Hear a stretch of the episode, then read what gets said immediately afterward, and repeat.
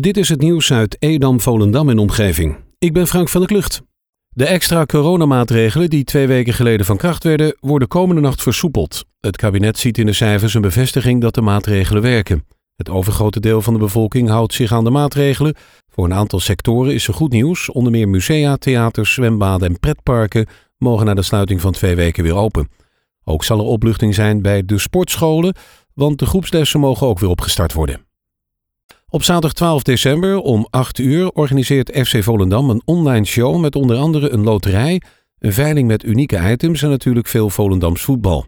De Orange Christmas Show wordt gepresenteerd door Jan Smit en Quinty Trustvol en trainer Wim Jonk en speler Kevin Visser zijn special guest. Seizoenkaarthouders kunnen bovendien rekenen op een presentje dat ze tijdens de Orange Christmas Show kunnen gebruiken. Voor spoedzoekers zijn flexwoningen een uitkomst. Kleine, tijdelijke woningen van zo'n 26 vierkante meter. De komende jaren worden er in de regio Amsterdam minstens 3000 van dit soort kleinschalige woningen gebouwd, speciaal voor tijdelijke bewoning. Maar ook in Purmerend worden 200 van dit soort woningen gebouwd. Veel spoedzoekers vallen tijdens de jacht naar een woning tussen wal en schip, omdat ze niet in aanmerking komen voor een sociale huurwoning. Wethouder Thijs Kroeze is blij dat dit project in Purmerend mogelijk gemaakt is.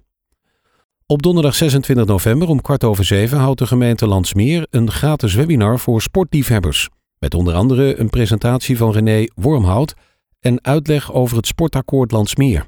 Sporten en bewegen sterk en zichtbaar, dat is de centrale ambitie van het sportakkoord Landsmeer. Een lokaal akkoord biedt handvatten om het gemeentelijk sportbeleid vorm te geven. In een samenwerking tussen betrokken partijen is het sportakkoord opgesteld. Het document is door 14 partijen officieel ondertekend. Op zijn vroegst in 2025 gaat Stadsverwarming Purmerend experimenteren met andere warmtebronnen dan biomassa. Dat meldt het Noord-Hollands Dagblad vandaag.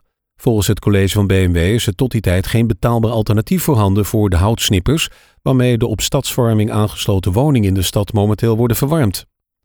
Het Dijklander ziekenhuis gaat het aantal bedden op de coronaafdelingen verminderen, nu de stroom patiënten met het virus gestaag daalt in deze regio.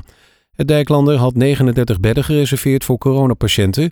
Komende donderdag zullen dit er nog maar 22 zijn. Langzaam gaat het ziekenhuis weer terug naar de normale zorg. Maar ze blijven voorzichtig, want het virus is nog niet weg. Ook het Noordwest ziekenhuis in Alkmaar en Den Helder bouwt de coronazorg af. Maar daar gaat het langzamer, zegt NHD. Op woensdag 25 november worden in heel Nederland kerken rood verlicht om aandacht te vragen voor het recht op vrijheid van godsdienst voor mensen van alle religies en voor de vervolging van christenen in het bijzonder. Een groeiend aantal kerken doet mee met de actie Red Wednesday. In deze regio zijn dat de Sint-Vincentiuskerk in Volendam en de Nicolaaskerk in Purmerend. Met Ed Red Wednesday wil Kerk in Nood mensen bewust maken van de vervolging van gelovigen, vooral minderheden. Maandag was de kick-off van de kerstactie van de brandweer voor de voedselbank. Op de brandweerpost in Purmerend, Middenbeemster, Ilpendam, Wormer en Oosaan kan je net als afgelopen jaren houdbare producten inleveren. De brandweer Purmerend is vooral op zoek naar houdbare levensmiddelen die ze in de pakketten kunnen doen. Ook non-food producten zoals stampasta en douchegel worden zeer gewaardeerd. Alcohol, verse of gekoelde producten worden niet ingenomen.